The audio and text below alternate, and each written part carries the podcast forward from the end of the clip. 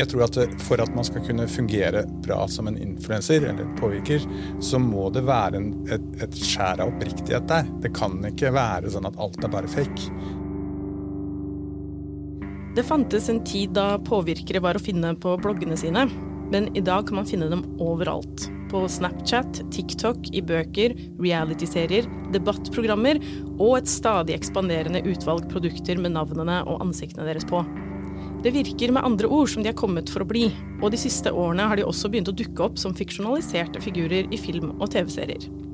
Hvordan lager man god satire om påvirkerbransjen? Det spør vi oss i denne episoden av Morgenbladets filmpodkast. Jeg heter Viviana Vega, og med meg i studio har jeg Morgenbladets filmanmelder Ulrik Eriksen. Hei. Hei, hei. Kulturjournalist Elise Dybvik. Hallo. Hallo. Og vi har også med oss filmanmelder Aksel Kielland på linje fra Bergen. Hei, Aksel. Hallo. Eh, I NRKs eh, nettspiller så ligger det nå en humorserie om en påvirker som har gått personlig konkurs og blir støttekontakt til en person med Downs syndrom. Det er jo litt av et uh, premiss. Ja, hver gang jeg har nevnt det premisset for andre forklart så har alle begynt å le umiddelbart. Og det kan jo tyde på at en er inne på noe. Denne serien, som heter Kammo, den er laga av skuespiller Caroline Glomnes, som òg spiller hovedrolleinnehaveren. Og det er en veldig kul, effektiv åpning på den serien, syns jeg. Der du først får denne veldig glamorøse kvinnen. Hun holder opp en mobil. Hun filmer seg sjøl, forteller følgerne sine på sosiale medier at eh, hei og her er jeg, osv. Og, og hun legger vel òg inn rabattkode til et produkt hun promoterer i denne kanalen. Og så rett etterpå så ser vi at du sitter på benken og prøver å tilpasse dette innholdet for at det skal bli best mulig på sosiale medier. Og det er en utrolig flott kontrast mellom det der veldig lette og uanstrengte smilet hun har foran mobilkameraet sitt, og det der litt sånn anstrengte, rynka bryn, og hva filter blir best, eh, når hun sitter da og behandler dette klippet, som overhodet ikke er lett og uanstrengt. Ja, det er jo en konkurranse, da, eller hva skal man si, en um, kontrasten mellom to ulike verdener. Det er den hun fremstiller det som at hun lever i, og så er det den hun faktisk lever i. og så Den ene er glamorøs, den andre er ganske traurig, i hvert fall når det starter. Hun har det som hun kaller finansforbi, som gjør at hun da er uh, allergisk mot å sette seg inn i hvordan uh, økonomi fungerer, og dermed har pådratt seg veldig uh, høye utgifter og lite inntekter. Og så må hun på Nav, og jobben hun får der er da som er det danselærer for en, en gruppe mennesker med Downs syndrom. Og så blir hun da særlig venn med en av disse, som også heter Camilla. Og så lærer hun en viktig lekse om hva som er viktig i livet. Ja, Mye av influensernes uh, idé er jo nettopp at det ikke skal være et skille mellom det de legger ut og det de er. At det på en måte er en sømløshet der. At de, de er glamorøse. på en måte, Selvfølgelig sminker de seg litt ekstra, og sånn, men da snakker de også om det. Altså Det er på en måte den uh, skitne delen av det, den pølsemakeriet, den skal på en måte ikke eksistere. Eller den er på en måte presentert som en del av det å være influenser. Eh, og så gjør måte, serien litt narr av det. Eh, viser baksiden likevel. Og det er en sånn type satire som jo er til dels ganske effektivt, men kanskje også åpner den opp litt eller prøver å åpne opp litt vel åpne dører, da, fordi vi vet jo at influensere ikke er sånn som de fremstiller seg selv som alltid. Ja, eller, eller gjør vi det? De siste årene, etter hvert som påvirkerbransjen har blitt mer og mer profesjonell, så har en prøvd å glatte ut det at de som nå sitter og legger ut innhold, det er ikke kanskje den der litt sånn tanketomme, vimsete rosabloggeren som kanskje var for ti år siden, men ganske savvy kommunikasjonsfolk som vet akkurat hvordan de skal få en video til å framstå som det mest naturlige og organiske i verden, da. Ja, og autentisitet, det selger, har man skjønt. da. Så det, det, er jo i stor grad en sånn fabrikkert naturlighet vi ser i mye av disse videoene. Ja, jeg har nå òg intervjua serieskaper Karoline eh, Glomnes. Og noe jeg spurte hun om, som jeg har tenkt mye på når jeg så denne Kammo, er hvorvidt påvirkeren eller influenseren er et litt vel lett bytte for komedie og satire. Ja, men jeg, jeg syns det er, eh, som du sa, da, altså at når influensere og påvirkere blir gjenstand for satire, så er det gjerne påvirkere som de var for ti år siden. Da. Altså at, at det er den derre eh, liksom ditzy, overfladiske rosa-bloggeren gjerne som, som, trekkes fram. Og man tar lite høyde for at for det første at de har tilpassa seg mediebildet, og for det andre at alle som lykkes i den bransjen der, de har en eller annen intuitiv forståelse for hvordan media reagerer på ting. Akkurat det er, virker det som at de som gjør seg morsomme på bekostning av disse, da, de er ikke villige til å innrømme dem det. Det er derfor jeg syns det liksom skurrer noe med i, i Kammo, det at hun skulle liksom reagere med sånn avsky, eller liksom at det skal være så fælt for henne å måtte omgås disse menneskene med Downs syndrom. Altså det er jo liksom, Alle som kjenner mediebildet i dag, vet at dette er liksom, det er jo knakende godt stoff. liksom, at hun er danselærer fordi altså det, det er, At den karakteren ikke ser en mulighet når hun får den jobben, det, det syns jeg det skurrer. Det, det serien jo allikevel gjør, eller den gjør det jo veldig tydelig at Kammo er en influenser som ikke henger med i tiden. Og det er jo ganske klar over sjøl, på et vis. Hun har fått med seg at nå er det sterke meninger som gjelder. Det føler jeg serien kan ha det, ha det ganske gøy med, eller? Ja, eh, der er det jo et eller annet som eh, serien kanskje treffer eh, bedre på. da. Altså, og den har noen sånne fine observasjoner knyttet til hvordan måte, det å ha en sterk mening i seg selv er en, en, en salgbar strategi. Eh, og som på en måte i dag er hvordan politikk fungerer på mange vis. Da, At man skal ha en sånn sterk mening eller en eller annen sånn veldig tydelig profil som gjør at man liksom når ut veldig enkelt og greit til flest mulig mennesker. Samtidig som det er jo veldig begrensa hva denne sterke meningen skal være. da. Det er vel Deres eh, territorium er vel dette med kropp og kroppspress og skjønnhetsidealer.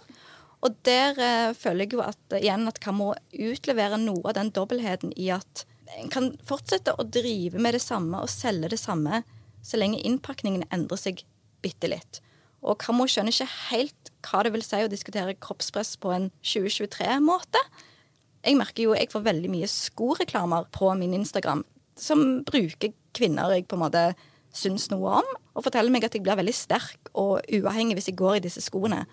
Kanskje for 15 år siden så ville de fortalt meg at jeg ble skikkelig pen og kul. Men nå blir jeg altså sterk. Um, de skal appellere til litt andre sider enn det, det, åpenbart overfladiske, kanskje? Ja, og på den måten så kan en drive med det samme, men en gir denne litt sånne glossy feministisk innpakningen som gjør at det, det blir stuereint. da. Og markedet prøver alltid å være ett steg foran. ikke sant? Det er Med en gang du gjennomskuer et eller annet, så skal de liksom Nei, nei, nei, dette er bare en helt vanlig dame som, eh, som er som deg, som selger eh, noe som kanskje du har bruk for. Veldig sånn ufarlig innpakning. Mm. Og så er det jo litt subtile med at nå er det jo um, Skillet mellom reklame og person er jo ikke helt godt å tegne opp lenger. Nei, og det er en interessant um, figur i denne serien som kommer inn som en slags sånn nemesis uh, på den debatten. En, uh, en, sånn sterke meninger uh, påvirker. Lett inspirert av hun Kristin Gjelsvik, er det hun heter. Men hun er en mye smartere, hun er en mye, mye liksom Forstår konteksten hun er med i, mye bedre. Og det ville vært mye, mye, mer interessant å få en serie om en sånn type skikkelse enn den derre personen som liksom er dummere enn alle i rommet, da, og som på en måte bare greier å snuble inn i influensertoppen ved å bruke alle de gamle og til dels utgåtte triksene. Jeg er helt enig. Jeg savner å se litt mer av liksom økosystemet. Og alle de mulige veiene inn i påvirkerbransjen.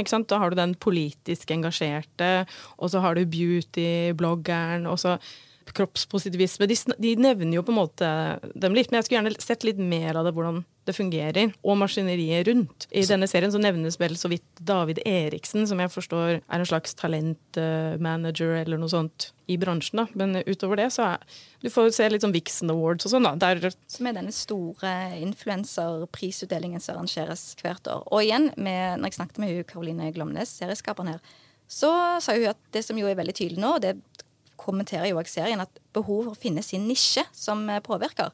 Det holder ikke at du bare er en kul person, og en dag reklamerer du for Mester Grønn, og neste dag for noe annet. Og du Ulrik Eriksen, du kaller deg jo transportinfluenser på, ja. på, Twitter. Jeg er jo en del av dette økosystemet uh, på mange måter. Og det Ja, jeg er transportinfluenser. Jeg har en veldig egen nisje. og før alle andre med, med den? Absolutt. Uh, 3500 følgere på Twitter, uh, så det her tar helt av. Nei, altså Men, men helt alvorlig talt, så, så, mye av grunnen til at jeg begynte å kalle meg transportinfluenser, det var jo på en måte en liten spøk. Og det var litt fordi at den ikke var tatt, selvfølgelig.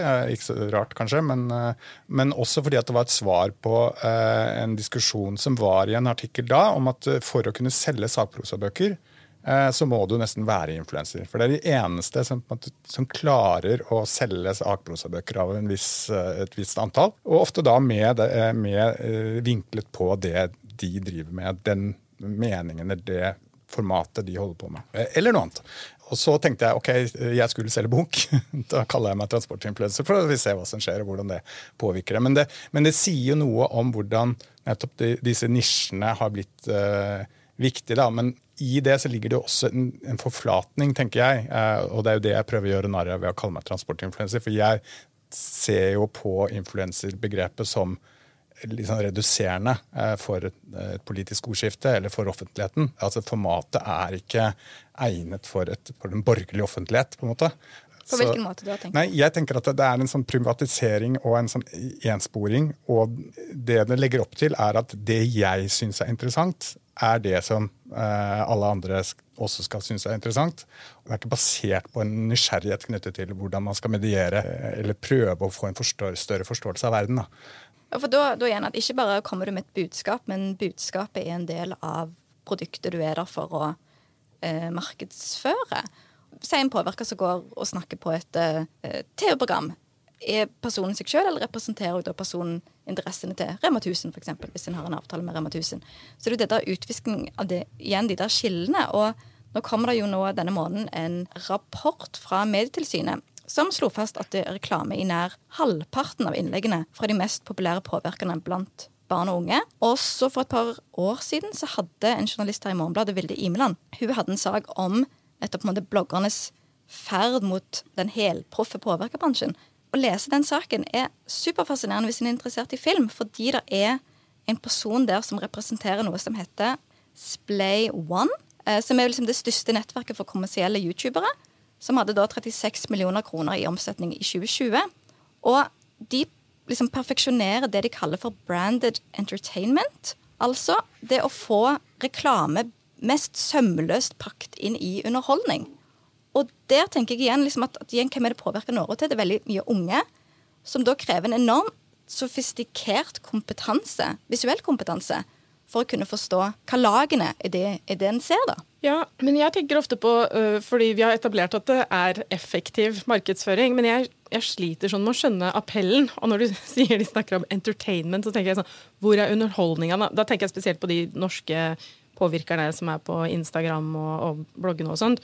For hver gang jeg går inn på Instagram til en kjent påvirker, så, så skjønner jeg ingenting. Jeg, jeg, bare, jeg ser helt vanlige, ordinære feriebilder og sånn en dag du ser litt fin ut på håret og har litt ålreite klær, men det er ikke noe visuelt slående, det er ikke noe humor, det er ikke noe interessant. Så hvorfor er det så populært? Igjen den der underholdningsbiten. sånn så I denne saken til Vilde Imeland så trekker hun fram en YouTuber som spiser en pose ostepop i sånn 20 sekunder, og så bruker noen sånne sminkevåtservietter for å fjerne ostepopstøvet fra ansiktet.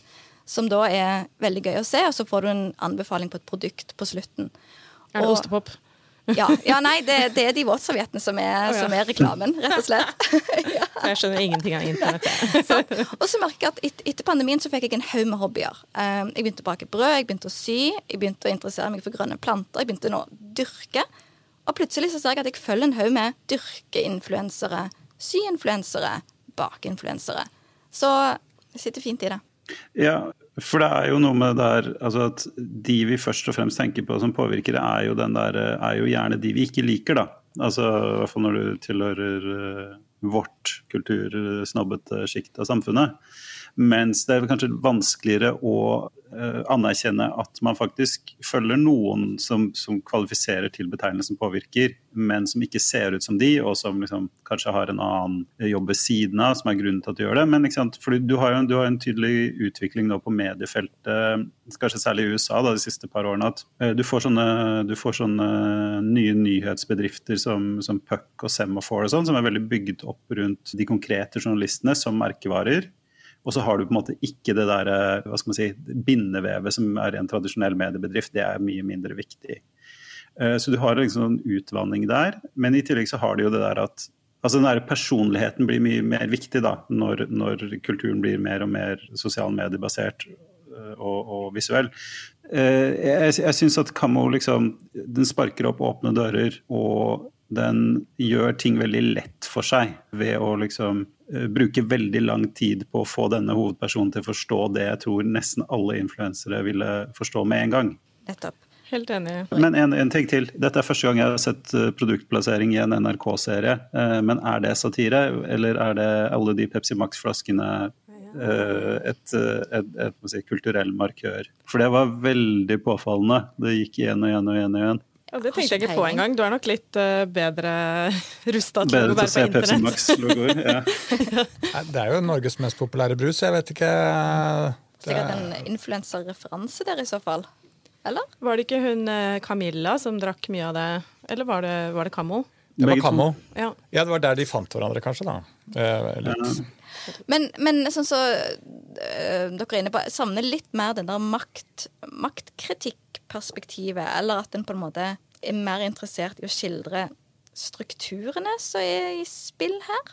Ja, ja, og jeg syns det er veldig påfallende det at liksom, ryggmargsrefleksen til folk som lager i hvert fall de fleste da, som liksom lager fiksjon om influensere, det er latterliggjøring. For som vi liksom var inne på tidligere, altså det det er noe sånn dypt eksistensialistisk ved det å bygge opp seg selv som en merkevare, og så oppleve at den merkevaren på en måte lever sitt eget liv. For dette flotte sitatet fra Sofie Elise fra podkasten hennes etter en, en eller annen kontrovers eh, tidligere Hvem av dem? var jeg husker ikke, faktisk. Men hun da sa hun på et tidspunkt klarte jeg ikke lenger å skille mellom hvem Sofie Elise merkevaren er, og hvem Sofie Elise mennesket er. Hver gang jeg skulle forklare noe jeg hadde gjort, eller forsvare noe eller føle noe, visste jeg ikke om jeg snakket på vegne av merkevaren meg selv eller tallene jeg skulle levere. Og det er jo et sånt helt eksepsjonelt bra utgangspunkt for å lage et drama, men i stedet for så får vi jo litt sånn der eh, ja, Eh, altså, det, det, det, Jeg skal ikke henge alt dette på Kammo, for den gjør noe som de fleste andre som tar tak i denne materien, gjør. Men vi, det, det holder seg veldig på overflaten og på ting som, som de var for 5-10-15 år siden. En dimensjon her som jeg bare vil trekke fram på dette med liksom, latterliggjøringssporet, er jo at veldig ofte når det er forsøk i offentligheten på å kritisere påvirkere, så kanskje særlig disse kvinnelige påvirkerne, så ofte reduseres debatten gjerne til et spørsmål om personangrep og gjerne mobbing. Og da lurer jeg på om satiren som driver med bare latterliggjøring og henging ut, da, en slags utløp for at vi klarer ikke å kritisere disse på en skikkelig måte i offentligheten, nettopp pga. den der person-merkevareskillet. Det er jo lettere å kritisere et firma enn en person. Altså, og du, du lager jo et skjold når du liksom eh, blander inn dine følelser og din eh, selvfølelse med, med liksom det du selger. Så er, gjør du deg jo ganske sånn immun. Ja, og så er det jo det spørsmålet om hva som er personen her, og hva som er personaen. ikke sant? Og det, eh, hva som er merkevaren, og hva som på en måte er det personlige. Og hvor går grensene? De ut, viskes jo ut med vilje helt selv. Og så spørsmålet er om man kunne på en måte hatt mer interesse av å virkelig forsøke å gå inn i dybden på, ja, som Aksel nevner også, de eksistensielle kvalene som nødvendigvis i hvert fall etter hvert interessant menneske vil ha da, rundt den situasjonen man plutselig er i. Fordi at man endrer jo sin egen virkelighet når man går inn i en sånn verden. Jeg tror at For at man skal kunne fungere bra som en influenser eller en påvirker, så må det være en, et, et skjær av oppriktighet der. Det kan ikke være sånn at alt er bare fake. Det må være en eller annen oppriktig følelse av at det man driver med, både betyr mye for en selv, men også en tro på at det man har å komme med, vil kunne ha en, en, en effekt på andre, og at det betyr noe for en selv å formidle dette videre. Og så blir det og noen ganger misforståelser knyttet til hva som er hva. Og de misforståelsene er ikke bare de som leser eller ser på som misforstår, men det kan også være en selv som misforstår hvor grensene går. Det er et veldig godt poeng, det der med For, for det går litt på det du sa, Viviana, om at du, du syns det er så kjedelig. Men, men kanskje den viktigste ferdigheten til en vellykket influenser er jo det å vite eller føle seg trygg på at det som de syns er interessant, det er interessant for om ikke alle, så i hvert fall et betydelig andel av befolkningen. Uh, og det kan være trivielt, men det kan være den type trivialitet som uh, folk har lyst til å bruke fire sekunder på, f.eks. Ja, for jeg tror nok du har rett i at liksom alle følger influensere i en eller annen form, selv om vi kanskje ikke liker å innrømme det. Jeg følger masse drag queens, eksempel. De er jo i høyeste grad et brand. Eh, men det er liksom det her, ja, det, det utrolig vanlige, da, som jeg syns er så fascinerende, hvorfor det slår an, spesielt i Norge. Og så har jeg lurt litt på er det en slags sånn pervertert form for janteloven, liksom. At du kan tro at du er noe, men du skal ikke liksom skille deg ut. De som ser på, skal kunne relatere seg til deg. Du, du, må liksom ikke skille deg for mye ut fra publikummet ditt. Det er jo et utslag, i hvert fall et stykke på vei, av relativt uh, små sosiale forskjeller, da, i hvert fall sammenligna med uh, andre land. Altså at det er, det er grenser for mye luksus og overdådighet du kan uh, liksom boltre deg i Norge. Tvert om. av og til, Når, når jeg kommer over en, en, påvirker, så er det jo noe med hvordan de forfekter liksom det gode liv, og det gode liv er ofte et materialistisk liv. For selvfølgelig, du skal jo ende opp med å kjøpe noe ved å, ved å følge de. Interessant med hvordan vi i Norge har et sånn, som du sier, Vivian, et, et folkelig utvalg av influensere. Og det speiler på en måte en norsk kultur, da. Det er den norske kulturen, eh, virkelig. Altså, det er på en måte de influenserne vi har, de allmenninfluenserne vi har, er på en måte Se og Hør, da. Det er det type segment. Altså, det er kanskje en klisjé, men det er litt sånn i Norge at vi liker bedre hvis det er generelt og lite spisset eh, enn hvis det er eh, for eh, fancy eller eh, perfeksjonert. da. For det er jo glamour, men det er jo glamour innenfor rekkevidde. De fleste av oss vil oppleve å bo på et ålreit hotell en gang, liksom. Eller være på en strand. tross den dimensjonen så er jo mange av de temmelig, får jo temmelig gode inntekter. Og da en ganske solid plattform å snakke fra. Og der føler jeg også at en som offentlighet ikke har helt funnet ut av hvor mye skal vi ta dem på alvor.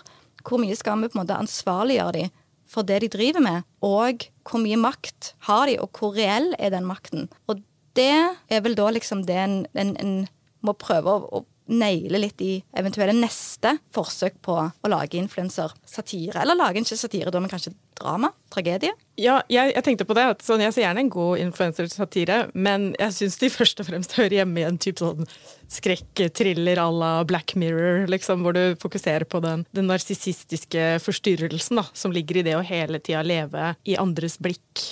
Ja, og så er det det hvordan man kan møte kritikken alltid med et sånt personlig At dette er et personangrep. Og det er der vi er litt tilbake til det eh, som jeg var inne på i begynnelsen. at Hvordan politikken har tatt inn over seg eh, mye av denne måten å snakke på. Og bare så på den kjøttdebatten eh, etter den rapporten til WHO eller hva det var for noe. Hvor Geir Pollestad og Sondra Borch går ut og er altså Den, den derre patosen som ligger i hvordan ingen skal fortelle oss hva et middagsmåltid skal være. Eller vi skal i hvert fall liksom ha vår middag i fred. Den måten å diskutere politikk på har hentet mye fra eh, influenserverden. Og det er ikke en bra retning for eh, offentligheten. Med tanke på at det nå kommer flere fiksjonaliserte portrett av influensere og påvirkere og hele den bransjen, så jeg prøvde å tenke litt på i hvilken form har vi sett denne figuren før? Er påvirka en helt ny skikkelse i film og TV? Eller fins det varianter av denne figuren i andre tidligere eksempler? Hvem er hun? Ofte en hun. Er det, er det popstjerne? Er det kjent for å være kjent-kjendisen? Men kjent for å være kjent-kjendisen er jo gjerne noe annet enn denne veldig hardtarbeidende influenseren som sliter seg sjøl i hæl for å få følgere? Jeg tenker at uh, influensere er på en måte en slags arvtaker av det vi kalte wannabes før. Folk som ble kjente bare fordi de ville bli kjente. Uh, et eksempel på det er en uh, figur som heter Angeline, som er veldig kjent i Los Angeles. og hun, Det var på 80-tallet, tror jeg, så begynte det bare å dukke opp sånne billboards med bilder av en sånn blondine da, som het Angeline. Og hun er er litt sånn musiker og litt, sånn, litt modell og sånt, men hun drev egentlig ikke med noe spesielt. Hun, hun, ble ikke kjent i kraft av å ha eh, et talent eller eh, noe sånt. Liksom, hun ble kjent i kraft av å være kjent. Eh, og nå er hun kjent for å bare kjøre rundt i en rosa korvett liksom, og møte opp på fester og kaste litt glans på, på det. Og Før så ble det liksom sett på som noe sånn skamfullt. Da, det å bare ville være kjendis for å være kjendis. Så føler jeg at reality har liksom normalisert det. Og du kan bare være deg selv. Og så lenge det er et kamera som peker mot deg, så kan du bli en kjendis. Eh, så det tenker jeg er liksom influenseren i dag. Det er de vanlige folka uten noen spesielle skills utover markedsteff, da, for det har de. Men det, det, det, var jo det som på en måte var eh, problemet, eller hva skal man si, skammen, stigma ved Wannabeen, var at det var ikke liksom, De gjorde ingenting. Men så har du fått økonomiske modeller som gjør at uh, du gjør noe nå. Du utfører et arbeid som influenser. Så det er, det er, verden som har forandra seg, det er ikke de. Helt klart. Jeg kom på en film jeg så som uh, ikke handler om influensere, men uh, den kom i 2009, og den het The Joneses. Og det er en sånn dramakomedie som handler om en gjeng med selgere som flytter inn i en forstad. Og så utgir de seg for å være en familie, sånn at de kan drive med sånn subtil produktplassering i dagliglivene sine. Da, for å nettopp få naboene til å ville kjøpe de samme tingene. Det spiller jo på det uttrykket 'keeping up with the Joneses'. Og jeg husker jeg så den, og så tenkte jeg wow, dette er en slags dystopisk science fiction. Men uh, nå er vi her. med tanke på influenseren Plutselig begynte jeg å tenke på Anita Ekberg i f.eks. Dolce Vita, som denne veldig sånn drømmende, vakre filmstjernen som går rundt og litt sånn òg kjent for å være kjent. Men hun i dag ville vel da vært en eller annen sånn beinhard karrierekvinne som òg hadde for, for, det er jo den forskjellen at her er det jo de som jobber sjøl med den egenframstillingen, som forgangne tiders eh, kjent for å være kjent hadde måttet belage seg på at alle andre skulle filme og dokumentere dem for å gjøre dem kjent. Ja, er jo, De er jo entreprenører på en helt annen måte enn, enn det som måtte være uh, wannabeen eller filmstjernen fungerte. Altså, De hadde jo alltid uh, mye større maskineri bak seg som uh, dyttet dem frem, istedenfor at de fant det på selv. Så nå kan man gjøre det selv. Rett og slett. Jeg tenker vi setter en strek der, og så kan vi ta litt anbefalinger på slutten. Har dere sett eller hørt noe interessant? Jeg vil gjerne anbefale to filmer som eh, begge tar for seg influensere. Det ene er en dokumentar som heter 'Searching Eva', som er fra 2019. Som er mulig å få tak i på, på nett på noe som heter dafilms.com. Uh, eh, og Det er en dokumentar som portretterer uh, Eva Colli, som er en uh, prostituert influenser, blogger, som tar det helt ut, og hvor på en måte skillene mellom privat og offentlig er visket ut på en helt sånn ekstravagant måte. Da, og Hun ser på det mer som et, nærmest som et kunstprosjekt. Og ganske provoserende sånn sett.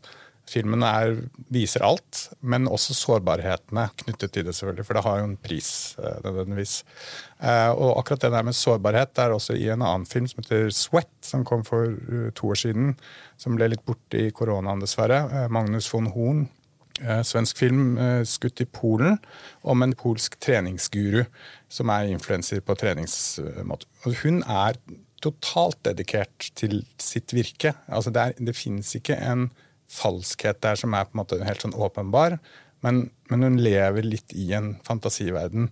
Men den fremstiller det på en måte ikke satirisk, da. Selv om det ligger et satirisk element der. Men så får du en veldig kjærlighet til hovedpersonen. Den ligger på TV2 Play. Topp.